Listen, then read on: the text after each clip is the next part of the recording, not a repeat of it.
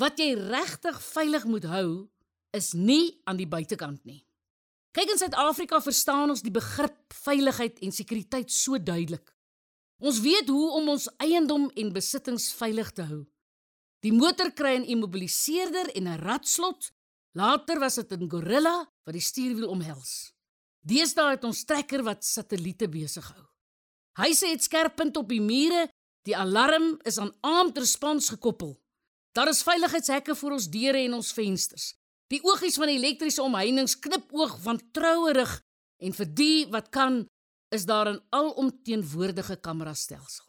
Dit lyk of angs ons gepak het van wantroue en onsekerheid in ons land.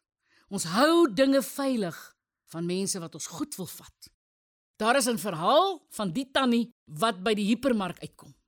Sy stoot die waantjie met haar pakkies. Daar sien sy hoe twee mans haar motor wil steel. Die tannie is gereed en geleer. Sy hardloop en haal 'n revolver uit. Die twee mans gee pad. By die huis aangekom merk sy op, dis nie haar motor nie. Sy jaag polisiestasie toe. Daar vind sy dieselfde twee mans. Hulle wil 'n geval van hijacking aanmeld. Ons verstaan hoe om ons besittings veilig te hou. Tog is ons sekuriteit soms so deeglik van buite dat ons die binnekant vergeet. Nadat jy na alles gekyk het wat jy veilig kan hou, wat sien jy? Die eintlike plek waar jy die meeste verantwoordelik kan wees, is jou hart. Van dit beheer en dit rig jou hele lewe. Uit jou hart spring die bron van lewe.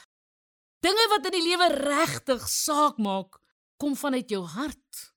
Die mens se hart is soos 'n innerlike beheersentrum. Dis die kern van jou lewe as mens. Daaruit kom jou ingesteldheid, jou fokus en jou motiewe.